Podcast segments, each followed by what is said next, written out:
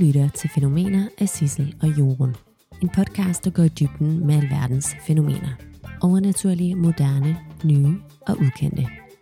Har du nogensinde undret dig over fænomenet soulmate? Om vi har et og kun et menneske, der er vores forudbestemte bedre halvdel? Har du overvejet at kaste dig ud i OnlyFans? Eller har du tusindvis af spørgsmål til overtro, naturkatastrofer, konspirationsteorier og meget mere? Så lidt med hver mandag, hvor vi sammen med ugens gæst forsøger at blive klogere på alverdens fænomener.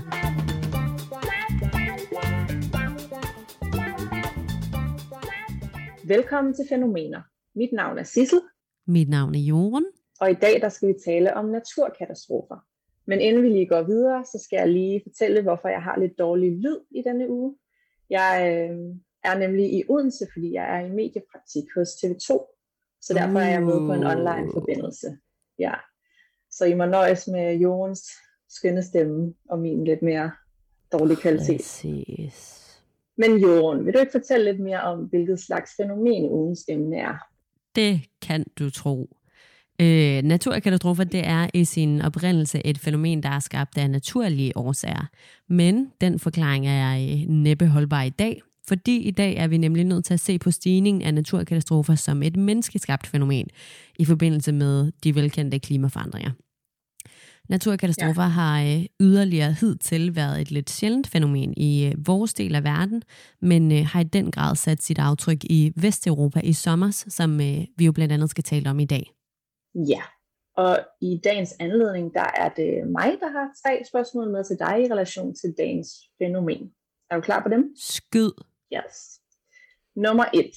Har du nogensinde haft en naturkatastrofe nært? Altså, nej, det er ikke fordi, jeg har været i Thailand, mens der har været tsunami, men jeg, har da, jeg var der i live under stormen Bodil. Ja. Kan det overhovedet klassificeres det som en naturkatastrofe? Jeg er ikke sikker.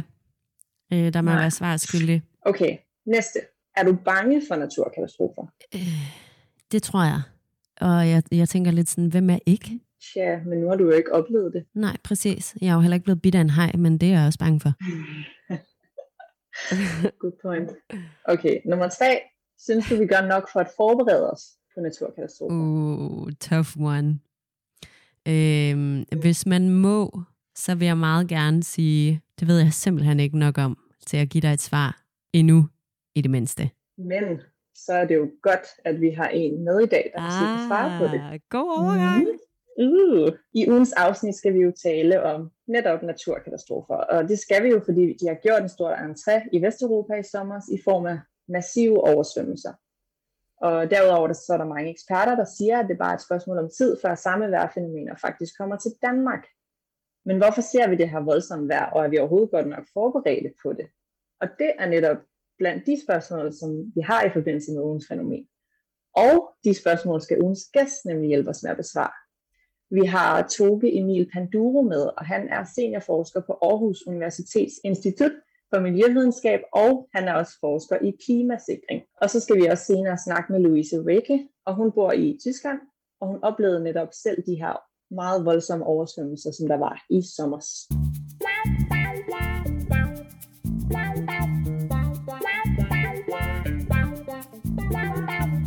Jamen, hej Toge, og øh, tusind tak, fordi du vil være med i ugens afsnit om naturkatastrofer. Jo tak, det er en fornøjelse. Den seneste tid, øh, der er klimaudfordringerne jo blevet mere tydelige for borgere her i den vestlige verden, hvor det ligesom før mere var tøende is på Antarktis eller tørker på den sydlige halvkugle. Så ser vi nu både varmerekorder, enorme skovbrænde, tørker og oversvømmelser på samme tid øh, i lande, hvor vi måske ikke lige tænkte, at det her var muligt. Kunne du tænke dig at fortælle os lidt mere om den udvikling, der er sket i den seneste tid, og lidt om de ekstreme vejrforhold, vi har set i Vesteuropa, hvis der nu sidder nogen derude og ikke rigtig lige helt ved, hvad det her drejer sig om? Altså det, det man har set i hvert fald, det er i sommer, der var der nogle ret voldsomme oversvømmelser i Tyskland øh, og i Belgien. Øh, og det kom jo som en overraskelse for myndighederne, og for de folk, der faktisk boede i de områder, der blev hårdt ramt. Det man kan spørge sig selv om, det er om, om øh, de ting, vi har set i Tyskland, om det har været relateret til klimaforandringerne, som vi har været med til at skubbe på i forbindelse med, at vi har udledt en masse drivhusgasser. Øh, og man kan ikke sige det sådan en til en, men man kan sandsynliggøre det. Og, og når man kigger på litteraturen, og der har faktisk været nogen ude og prøve at se, om hvor sandsynligt vil det være, at man ser sådan et fænomen, som vi har set i Tyskland her i sommer, øh, så er det meget sandsynligt, at det er relateret til de menneskeskabte klimaforandringer. Og det er jo noget, vi kommer til at se og ser allerede i, i både Danmark, men også i, i resten af verden. Øh, forskellige variationer hen over klimaet, som vi ikke er vant til at se. Det bliver en udfordring øh, allerede nu, men også fremadrettet, som vi skal til at håndtere. Okay, ja, fordi det næste, jeg skulle til at spørge dig om, var nemlig, altså, hvordan kan det være, at vi ser det her ekstreme vejr, øh, særligt steder, hvor vi netop ikke har set det før? Jamen, i virkeligheden så er det jo ikke sådan, at der ikke har været ekstrem vejr øh, i Danmark eller i, i Vesteuropa. Eller, og, og sådan er det også være andre steder. Vi forestiller os, at de vær, slemme vejrforhold, det er noget, der foregår et eller andet sted i Etiopien eller øh, i Karibien eller sådan noget. Men i virkeligheden så har vi jo altid haft variationer hen over klimaet. Øh, grunden til, at vi synes, det er ekstremt, det er, fordi vi ikke er vant til dem. Mm. Altså, det betyder bare, at at vi har forrykket, hvad variationen hen over de her sådan, øh, forskellige vejrfænomener kan foregå. Ikke? Og mm. det betyder så, at øh, øh, vejrfænomener, hvor vi har for eksempel ekstremt voldsomt nedbør, det forekommer så oftere, end det plejer at gøre. Så en, øh, en regnhændelse, som man kunne sige, skal være 1000 år, skal så være 100 år, eller, og så videre. Mm. Øh, og, og det vil jo så rykke, i takt med at klimaforandringer forekommer, så vil man så se, at, det, at det sker oftere og oftere, sådan, så vi får øh, bare en anden type vejr, som vi så skal tilpasse os. Det vil ikke sige, det er mere ekstremt, det er bare en anden måde at leve på. Okay. Hmm. Øh, og nu var du faktisk lidt inde på det allerede, men netop det her med, om vi kommer til at se øh, det samme slags vejrforhold i, i Danmark, som vi har set netop i Vesteuropa her i sommer. Vi har jo allerede, altså vi har, har faktisk allerede ekstrem uh, nedbørshændelser. Grunden til, at det blandt andet var så voldsomt i Tyskland, det var jo fordi, at de har nogle andre terrænforhold, end vi har i Danmark. Danmark mm. er sådan ret fladt, og derfor, og vi har nærmest ikke rigtig nogen floder. Mm. Uh, og de ord, vi har, de er ikke så voldsomme. Så, så derfor så... Uh, så, øh, så ser det voldsomt ud, når det vi ser i Tyskland. Men vi har øh, oversvømmelser løbende, også i Danmark.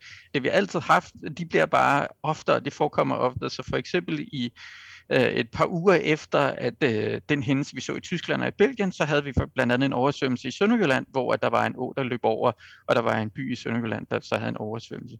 Og det kan man sige, nå, det var så en mindre by i, i, i Sønderjylland, men altså, øh, det kunne lige så godt være sket alle mulige andre steder.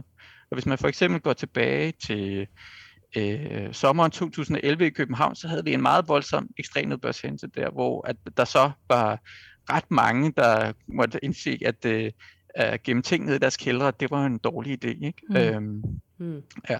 Okay, men så nu siger du det, fordi at det, det ligesom forekommer oftere, også ja. i Danmark. Kommer det til at, altså, kommer det til at ændre sig endnu mere? Kommer det til at ja, blive endnu det, oftere? det kommer, altså,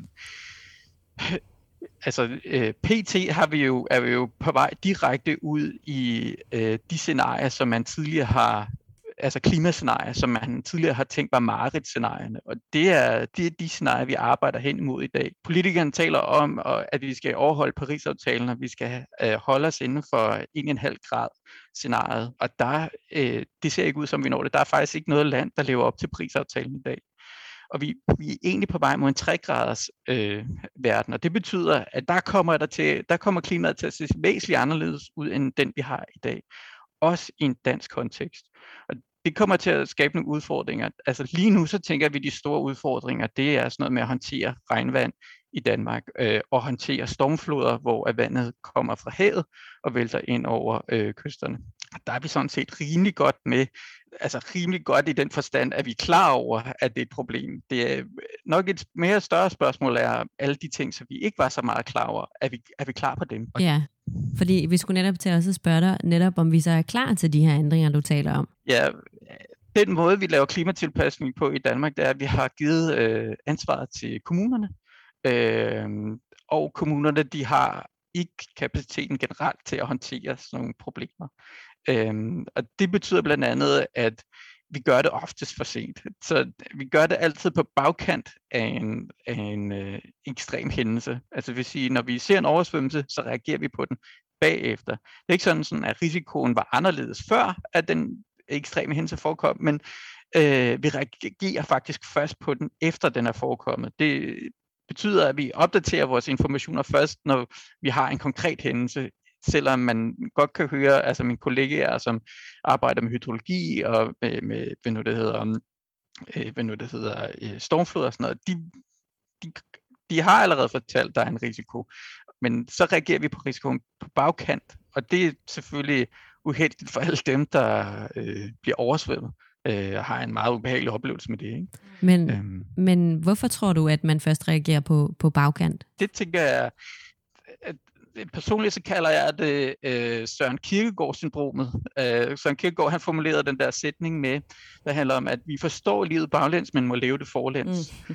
Og det er sådan et generelt problem. Jeg sad og snakkede med nogle, øh, nogle, nogle teknikere i nogle kommuner her for i en workshop for ikke så lang tid siden, og, og de sagde alle sammen, det starter, det starter med en oversvømmelse, Tove. Det starter med en oversvømmelse. Og det, øh, at det generelle problem, det er, at det altid starter med en oversvømmelse. Mm. Og man har sådan nogle helt eklatante eksempler på, hvordan at, øh, at det sker. For eksempel så, når jeg ude og præsentere øh, noget om vores forskning og taler om klimatilpasning, så starter det næsten altid med et billede af kommunalbestyrelsens kontor i, i øh, hvad nu det hedder, Venedig, som få timer inden, at selve kontoret blev oversvømmet, besluttede sig for, at der ikke var behov for mere klimatilpasning.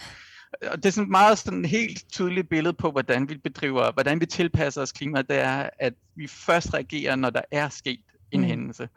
En, måske en endnu værre hændelse, som er sådan historisk, er jo New Orleans i 2005, det var jo ikke sådan, at man ikke vidste, at, det var, at der var risiko for, at, at der ville komme voldsomme stormflod, som ville ødelægge store dele af byen men man havde bare ligesom ikke rigtig investeret i det. Det var ikke sådan, at der ikke havde været nogen, der havde råbt op om, at der var en risiko, men man gjorde bare ikke noget. Mm-hmm. Og resultatet var jo, at man, man smadrede en kæmpe stor by i USA. Ikke? Mm. Øhm, det er jo super uheldigt, at vi opfører sådan, men man kan bare se det igen og igen og igen, at det er sådan, vi som mennesker forholder os til, til virkeligheden. Temperaturen i Danmark er steget med 1,5 grader siden 1873. I samme periode er nedbøren steget med 15 procent, og vindforhold og vandstand har også ændret sig. Den globale gennemsnitstemperatur er siden 1880 steget med ca. 0,85 grader Celsius. Hovedparten af denne globale opvarmning skyldes menneskers aktiviteter. Især udslip af CO2 fra afbrænding af kul, olie og gas, men også fældning af skove og udslip af andre drivhusgasser. Men er din opfattelse så, at, at vi lærer af det? Altså de erfaringer, vi allerede har fået? Ja, altså for eksempel når man taler med kommuner og forsyningsselskaber, så siger de jo så, at vi har bevillingsgivende regn. Det betyder, at, at øh, budgetterne ændrer sig, når man har oplevet en, en oversvømmelse. Ikke? Så for eksempel København, nu har vi talt om Københavns Kommune i 2011, de satte to nuller efter deres øh, klimatilpasningsbudget efter at de havde haft den der oversvømmelse i 2011. Det var ikke sådan, at risikoen havde ændret sig. Det var fordi, de havde opfattet det her. Og lige nu så opererer de jo med et klimatilpasningsbudget på over 10 milliarder kroner. Ikke? Øhm, så vi lærer af det, men vi lærer på bagkant hmm. af hændelsen, og ikke før. Hvilket selvfølgelig er super uheldigt. Et andet problem er, at vi også glemmer. Ikke? Så når, når ting ikke er sket i længere tid, så glemmer vi det igen. Så for eksempel så har vi kigget på, øh, hvordan ejendomsmarkederne reagerer på oversvømmelser. Og der kan vi se, at øh, for, eksempel, for eksempel i forbindelse med oversvømmelsen øh, og, og stormfloden i forbindelse med stormen Bodil, øh, mm. som ramte øh, Jyllinge Nordmark, der man hørt før, ikke? Mm. Øh, og Frederikssund, der kan man se, at priserne på de ejendomme, der havde været oversvømmet, de faldt ret meget, hen ved 30 procent. Men efter tre år, så var priseffekten helt forsvundet. Øh, mm. Det betyder, at vi kan huske det i kort tid, og så glemmer vi det igen. Og det er en super smart måde at håndtere øh, risiko på. Øh, det er at være ignoranter. Ikke? Vi går rundt igennem livet, og, er lidt, og vi, vi forstår ikke rigtig risikoen, og så handler vi på det, når det sker, og så håber vi på det bedste. Og på den måde, så bliver vi ikke stresset eller syge af at gå rundt og bekymre os. Men skulle man ikke måske netop tro, at fordi at de her øh, oversvømmelser i Vesteuropa er kommet så tæt på, og der er faktisk også, jeg ved, nu ved jeg ikke hvor mange, eller om det kun var en enkelt dansker, der omkom, at man så netop tænker, nu kommer det så tæt på, så nu, nu gør vi noget. Nej. Nej. det tror jeg faktisk ikke. Vi kan sige, jeg tror, at, at det skal endnu tættere på. Jo mere konkret det er, jo bedre er det. Og det var jo noget i Tyskland, det var lidt langt væk og sådan. Mm. Øh, og vi har jo ikke så store... Øh, floder og sådan noget, men det kan vi ikke rigtig forestille os. Det er en ting, der foregår, foregår mm. andre steder, så så vi skal meget tæt på hændelsen, før vi ja. reagerer. Øh, og det betyder blandt andet, jo, nu snakker vi lige om New Orleans. Øh, jeg snakkede med min øh, kollega Carsten Armbjerg, som er professor ude på DTU, og han, han er voldsomt bekymret for, om vi kan få sådan en New Orleans-hændelse i, i, i Danmark. Mm. Øh, og det vil jo så, en New Orleans-hændelse i Danmark vil være en, en voldsom stormflodsoversvømmelse af København. Øh, og det er der helt sikkert en potentiale til, hvis man går tilbage i historien, så har vi haft sådan nogle oversvømmelser historisk. Mm. Og givet at de optræder med større og større sandsynlighed, så, så kunne vi godt risikere nogle oversvømmelser med 5-6 meters øh, stormflodshændelser. Og det betyder blandt andet, at Københavns Kommune har besluttet sig for, at de bygger altså diger nu, som er 6 meter høje. Øh, at så har man så i Tornby Kommune, de, er ikke så, de, de var i hvert fald tidligere ikke helt med på, på noderne, så de bygger altså nogle diger, der er væsentligt lavere, cirka mm. under halvdelen af den højde. Ikke? Ja. Og hvad er, altså, hvad er problemet eller udfordringen netop så ved, at altså, det er op til kommunen? Fordi så gør Københavns Kommune noget, så gør Tornby Kommune noget andet. Hvilke udfordringer Man kan, kan jo så vurdere, om man har lyst til at bo i Tornby Kommune, hvor de bygger diger, der er 2,8 meter høje, eller i Københavns Kommune, hvor de bygger 6 meter høje diger. Øhm, og grunden til, at de bygger så lave diger, det er jo fordi, at de folk, der bor ude langs kysterne, øh, hvis man bygger dige, så kan man jo ikke rigtig se vandet, og det er jo bare så dejligt at se mm. vand, ikke? Og skal vide, om der kommer den der stormflod, det sker jo nok ikke. Hvad skal der i virkeligheden til, for at vi er klar til det her, øh, det her vejr? Kommunerne vil rigtig gerne have nogle, øh, nogle, nogle nationale retningslinjer mm. og noget national koordinering. Og der er i hvert fald behov for, at der er øh, en instans, som koordinerer øh, klimatilpasningen mm. på et højere niveau end den kommunale. Mm. Øh, det er helt sikkert. Og der er måske også behov for øh, at tænke ind i, hvor stor en risiko man vil løbe sådan rent statsligt. Der lider vi under, at den måde, vi vurderer risiko på, det er sådan nogle økonomer som mig, der sidder og laver den type beregninger. Vi har så meget optaget af, at vi helst ikke skal bruge øh, for mange ressourcer på, øh, på ting. Fordi at hvis vi bruger penge på for eksempel diger, så har vi færre penge til børnehaveinstitutioner, eller bedre veje, eller hvad vi nu kunne forestille os. Problemet er, hvis vi ikke rigtig evner at vurdere risikoen rigtigt, så, er der, så hvis vi optimerer for meget i sådan et sikringssystem, så, så udsætter vi os selv for, for lidt for meget risiko. Det er en af de ting, der gør, at vi, vi måske undervurderer omfanget af klimaproblemer og, og ekstrem vejr fremadrettet. Men nu snakkede du lidt om, sådan, at man kunne bygge diger øh, før og så videre. Er der sådan andre, sådan rent praktisk, hvad, hvad, hvad kan man gøre ellers? Der er jo forskellige muligheder. Man kan jo også trække sig tilbage. Altså hvis vi snakker øh, stormfloder, så kan man jo bare man kan jo blive, og faktisk også ekstremnedbør eller oversvømmelse for over, så kan man jo blive nødt til at opgive arealer, øh, som tidligere har været benyttet til byer eller øh, mm. anden form for arealanvendelse. Altså man trækker sig tilbage fra her, og det er, det er helt klart en strategi, som kommer til at blive relevant for nogle byer i Danmark, øh, hvor man simpelthen bliver nødt til at sige, jamen de nedre dele her, dem bliver vi simpelthen bare nødt til at opgive langsomt. Og så spørgsmålet er, hvor hurtigt skal det gå? Det kommer nok til at gå nogle hen over nogle årtier, så man siger, at vi trækker os tilbage. Okay. En anden ting, man helt sikkert skal, skal begynde at, at tænke meget over, det er dårlig planlægning.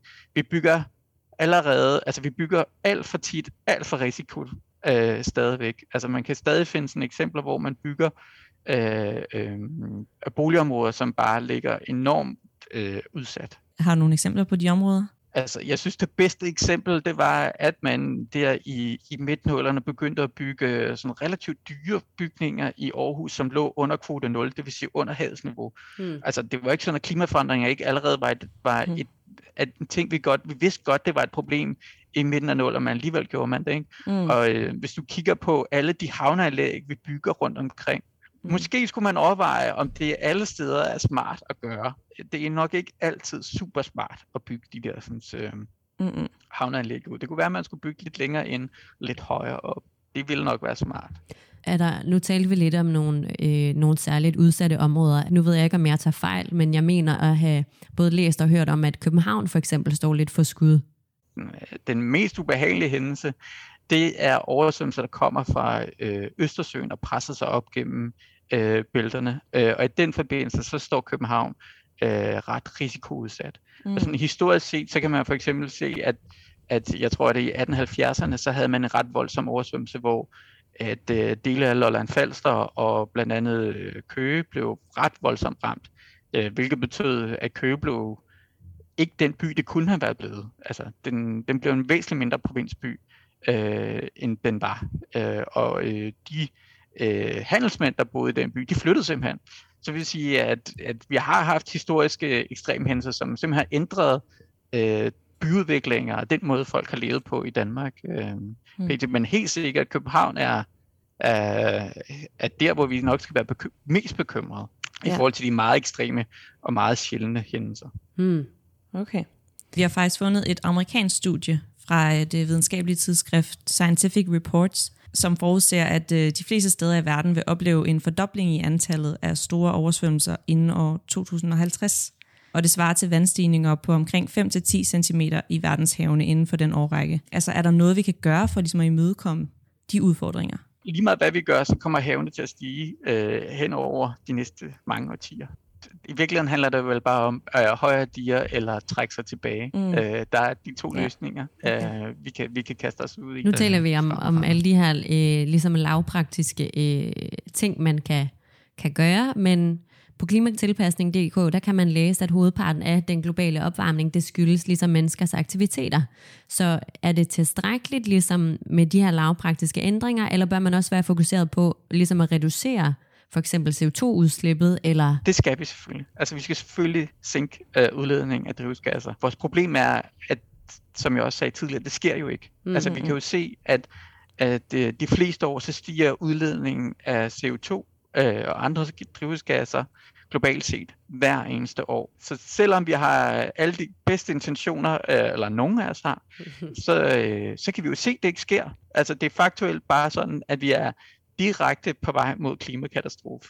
At det er selvfølgelig frygtelig ubehageligt at tænke på. Mm. At, øh, og i en dansk kontekst, så kan det være ubehageligt nok. Men hvis man tager til andre lande, så kan det være endnu værre. Også ja. specielt fordi de har væsentligt færre ressourcer end, end os til at håndtere de her klimaforandringer. Men ja. jeg siger, det er jo begge dele. Altså, det er begge dele, vi skal mm. gøre. Ikke? Mm. Altså, der er ikke, vi, kan ikke, vi kan ikke sænke drivhusgasser nok til ikke at skulle tilpasse os, men mm-hmm. vi kan heller ikke tilpasse os ud af problemet. Det bliver nødt til at, vi bliver nødt til at spille på begge heste. Der er ikke nogen vej udenom. Mm-hmm. Og så lige her til sidst, så øh, kunne vi også godt tænke os at høre, om du er bekymret for den tid, vi går i møde. Altså, jeg har længe gået rundt og været enormt frustreret over, at vi netop ikke har håndteret klimaforandringerne. Øh, men jeg er sådan set ikke frustreret mere, og det er fordi, at jeg simpelthen bare accepteret, at vi ikke når det. Mm, okay. øh, så hold fast på hat og briller øh, det er nok øh, konklusionen. Ja. Vi, øh, vi gør alt for lidt, alt for sent. Mm. Vi når det simpelthen ikke. On that note, så øh, vil vi sige tusind tak ja, for tak, fordi øh, til dig. Ja. Det var øh, lærerigt og øh, super interessant at høre om. Som led i EU's oversvømmelsesdirektiv er der udpeget 14 områder i Danmark med væsentlig risiko for oversvømmelse. Udpegningen berører samlet 27 kommuner. De udpegede kommuner er forpligtet til at reducere oversvømmelsesrisikoen og lave risikostyringsplaner, som skal ligge klar inden udgangen af 2021. Sammen med den nye kortlægning får kommunerne en ny vejledning til udarbejdelse af risikostyringsplaner. Vi vil nu bevæge os videre til at snakke lidt mere om de her oversvømmelser, der var i Tyskland og i Belgien i sommer. Dem har vi jo nævnt et par gange i løbet af afsnittet, og Toge han nævnte dem også som en af de nylige naturkatastrofer, der er sket i Vesteuropa. Oversvømmelserne har taget mindst 190 menneskeliv, og så har de ødelagt en masse menneskers hjem, og faktisk også skabt mangel på rent drikkevand i nogle områder. Ugens næste gæst, hun hedder Louise Wecke, og hun oplevede netop de her oversvømmelser på nært hold i sit eget hjem. Hun er dansker, men hun bor i Tyskland i byen Iserlohn med sin mand og fire børn. Lad os høre, hvad hun havde at fortælle om den her oplevelse med oversvømmelser. Jeg skal endnu en gang beklage, at jeg har meget dårlig lyd. Jamen, hej Louise, og tak fordi du vil hej. være med i dagens afsnit. Og du vil fortælle os lidt om, hvad du så og oplevede i forbindelse med oversvømmelserne i Tyskland i sommer. Ja. Så vil du ikke starte med at tage os med tilbage til onsdag den 14. juli og fortælle os lidt om, hvad der skete der? Øhm, jamen altså, det startede med, at øh, det jo egentlig havde regnet hele natten, og man havde godt hørt, at det skulle blive regnvejr og, mere, end det måske plejede også. Og sådan. Men mere hørte man egentlig ikke. Men altså, man står egentlig bare op om morgenen, når det regner rigtig meget, men det virker sådan ikke som om, at, at lige om lidt bliver der oversvømmet. Det virker sådan helt normalt næsten. Altså. Så det er først senere hen ad dagen, at det, det begynder at blive voldsomt, og at vandet flyder ud over, der ligger sådan en bæk i vores baghave faktisk, og det flyver bare ud over den her bæk, ud på vejen, altså der flyver fisk ja. bæk ud på, wow. Altså sådan et par fisk fløj sådan op på vejen, og så de her øh, kæmpestore træstammer også, og træer og jamen, sten, og der, ja. der er sådan en stenmur hele vejen hen, og den er fuldstændig, den brænder sammen, når de der sten bliver skyllet ind under den der bro og sådan noget. Det var ligesom sådan en eller anden der slet aldrig sker her i den her del ja. af verden. Øhm, og der var jo bare fart på det der vand, og, øhm, og det var så mærkeligt, fordi der var ikke vind, der var ikke sådan stormvejr eller noget, mm. men alligevel så fløj mm. det der vand bare, som om det blev skubbet. Jeg ved det ikke, det var vildt. Hvornår gik det så op for dig, at det sådan var virkelig voldsomt? Jamen, øhm, nede i vores have, der er der nogle garager som bliver lejet ud, og man kan så se, at vandet det øh, kommer tættere på de her garager, som ligger cirka 3-4 meter fra bækken af. Og så tænker jeg også, ej, at øh, nu går det snart galt. Altså, det, for det blev ved med at stige, det der vand. Ja, og det var jo sådan om eftermiddagen, sådan, jeg tænker ved en to-tre tid nærmest. Og så går jeg ind og tjekker, fordi så ser jeg, at der står vand nede ved vores mur ved huset, ned mod kælderen. Men øhm, ja, man kan ikke komme ind den vej, så jeg går indvendigt ind igennem huset og går ned, eller hen til trappen ned til kælderen, og der kan jeg bare se, der står højt vand nede i kælderen. Og der går jeg sådan lidt i panik, for det har jeg ikke oplevet før jo. Ja, for jeg skulle til at sige, hvordan, altså, hvordan reagerer du på alt det her? Jeg bliver sådan, jeg, altså sådan, shit, du ved, jeg bliver sådan rigtig forskrækket, og jeg tænker, åh oh, nej, hvad skal man gøre? Jeg har, altså, jeg har aldrig stået i sådan en situation før, virkelig. Mm. Øhm, mm. Men jeg ringede jo så til min udlejer i panik, hvad skal vi gøre? Kælderne står under vand, og og øhm, jamen, han sagde, at man kan ikke gøre så meget. Altså, man er nødt til at vente, det, afvente, at det synker igen, sagde han, fordi det ligesom er grundvand, der er kommet op på en eller anden måde, nede fra kælderen af. Mm. Øh, også var fordi, du bange det, også? Ja, det var jeg faktisk. Jeg vidste ja. ikke, om det ville blive ved med at stige, eller hvad det ville, det der vand. så det var sådan lidt, det var ubehageligt. Det var det. Også fordi jeg har fire børn og, i, i huset, og som jeg også skal beskytte, ja. og tænk nu, hvis det blev ved med at stige, og hvad der kunne ske. Det, altså, Præcis. Ja. Og hvad, altså, hvad, sagde, hvad sagde de til det? Jamen, jeg lå dem blive op i vores... Vi bor heldigvis helt op under taget i sådan en taglejlighed. Øhm, og jeg lå dem blive op i lejligheden, men de var også bange, og de kunne godt se, at øh, den var gal. De løb frem og tilbage i lejligheden, og de kunne se, at jeg løb ind og ud hele tiden. Fordi jeg løb jo også ud for at hjælpe vores naboer, øh, som også stod og kæmpede derude. Og de stod ligesom og kæmpede for at få træstammer til ikke at flyve ind i deres hus, og også i deres have, som, blev, som også ligger lige op til at blive smadret. Og jeg prøvede jo med, altså vi, vi fik nogle træstammer fjernet sammen og, og sådan noget, lagt til side på en eller anden måde, hvor der hvor vandet ikke skyllede op. Øhm, men altså, til sidst var man bare hjælpeløs. Man stod bare og kunne ingenting gøre jo. Altså, man kunne ikke engang gå over på den anden side mere, fordi man ville jo risikere altså, at blive skyllet væk, fordi mm. der var så meget kraft på. Så jeg turde ikke mere til sidst. Altså. Ifølge Hannah Cloak, der er hydrolog og stifter af det europæiske oversvømmelsesagentur, viser de katastrofale oversvømmelser i særligt Tyskland og Belgien, at der er fejl enten i advarselssystemet eller i kommunikationskæden, der skulle formidle det. Til nyhedsbyrået Reuters siger hun, at man så informationerne om vejrforholdene allerede ugen for inden, at det så meget alvorligt ud, og at man kunne have forudset det.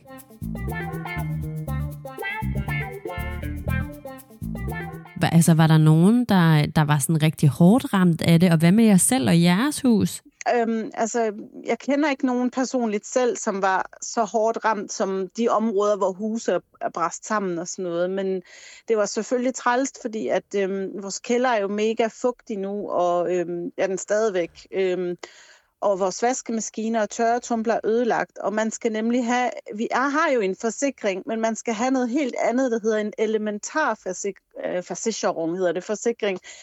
Øhm, mm. Og den har vi ikke haft, fordi den er ekstra dyr, og jeg havde virkelig ikke troet, at der nogensinde ville blive sådan oversvømmet her. Altså, ja, okay, så. fordi et af de spørgsmål, vi har, er også, om, om du var klar over, at sådan noget her kunne ske i det hele taget? Ja, nej, det var jeg ikke. Nej. Altså, det havde jeg jo egentlig slet ikke. Jeg tror, forsikringen havde spurgt, om vi ville have den, dengang vi tegnede vores forsikring, men jeg tror bare, jeg sagde, ej, jeg regner altså ikke med, at vi bliver øh, oversvømmet. Også den der bitte bæk, den plejer også at være tørt på det tidspunkt af året, hvor at det her det skete. Det var sådan helt surrealistisk. Altså. Altså, der var ikke fordi, at I, altså, I på nogen måde var forberedt på det. Overhovedet ikke, mm-hmm. men altså, der skulle have været nogle sirener, der skulle have have været gået i gang, men det, det skete altså ikke. Altså, vi har i hvert fald ikke hørt nogen sirener. Der har ikke været nogen advarelser om de her oversvømmelser. Nej, okay. Det skete bare. Og hvad så med den nat der? Altså, kunne man sove overhovedet? Øh, nej, altså jo, det kunne man godt lidt, men jeg lå også virkelig tit og vågnede op og lå længere og tænkte, øh, hvad sker der? Altså, og om det blev værre, eller om det blev bedre. Man, man kunne jo intet stille op andet end afvendt. Hmm. Er det, er det noget, I frygter skal ske igen? Øhm, altså, jeg kan godt mærke, nu har det regnet et par dage. Man tænker øh, selvfølgelig, okay, går det galt igen? Mm. Øh, det gør man. Ja. Så ja, det, det vil jeg synes. Altså, det frygter man lidt faktisk. Ja. Og har I, øh, har I gjort noget for at forberede jer på, hvis det sker igen? Altså, er der, er der noget, I ligesom selv har gjort for måske at kunne være lidt mere klar? Altså det eneste, vi har selv har kunne gøre, det er at få sat vaskemaskinen. Nu har vi fået ny, mas, nye maskiner, øh, få det sat op, så det ikke øh, står så langt nede ved jorden. Og ja, vi har fået lavet forsikring nu også. Okay. Øhm, ja, fordi det er altså en dyr fornøjelse ellers at skal til at have nye maskiner og sådan noget. Ja, det er det. Mm. og hvis man... Øh, ja. Hvis man i hvert fald skal følge det, som rigtig mange eksperter siger, så, øh, så vil det i hvert fald være øh, hyppigere og hyppigere fremadrettet, ja. så øh, må ikke det er en, ja. øh, en god plan. Lige præcis.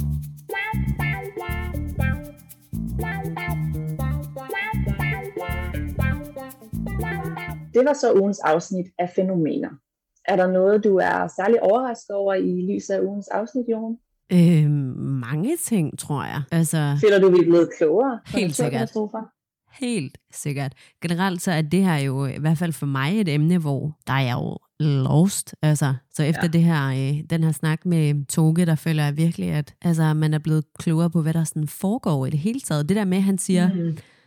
vi, vi spørger jo ind til, om, om de her ting kommer til Danmark, hvor han siger, jamen, det er det jo sådan set i forvejen, det bliver bare oftere og oftere.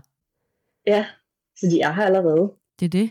Og så det her med, at ja. vi lever forlands og forstår baglands. Mm. Det er sindssygt hyggeligt, at vi kommer først til at forberede os rigtigt når der sker noget forfærdeligt. Det er det. Nu skal vi jo ikke glemme de tre sædvanlige spørgsmål, Jorund. Er du klar? Mm. har du nogensinde haft en naturkatastrofe nær? Den har måske ikke rigtig ændret sig, tænker jeg. Nej, jeg skulle til at sige, svaret er det samme som før. Altså, der har jo så været naturkatastrofer i den forstand, at Toge han siger jo, at det er jo ikke noget, der ikke er ja. her i forvejen. Nej, det er rigtigt. Er du så bange for naturkatastrofer? Jeg vil sige, altså ja, det er jeg, men hvis det er, øh, hvis det er mindre naturkatastrofer i gåseøjne, så er jeg ikke bange, bange. Men... Du er så dårlig til at give kort Nej, jeg er så dårlig, jeg er så dårlig til det. Ja, jeg holder den til ja. synes du så, at vi gør nok for at forberede os på naturkatastrofer? Nej, det synes Godt. jeg ikke. Vil du have mere? Nej, det var smukt. Ja, værsgo. Tak. Dette var ugens afsnit af Fænomener. Programmet var tilrettelagt og redigeret af Jorgen Ellingsgaard og mig selv, Sissel Elkær Nielsen. Hvis du kunne lide ugens afsnit, så husk at abonnere på Fænomener på din foretrukne streamingtjeneste. Så sikrer du, at du ikke går glip af næste afsnit. Du kan også finde os på Instagram under Fænomener Podcast, hvor du kommer med bag om kulissen. Vi lyttes ved.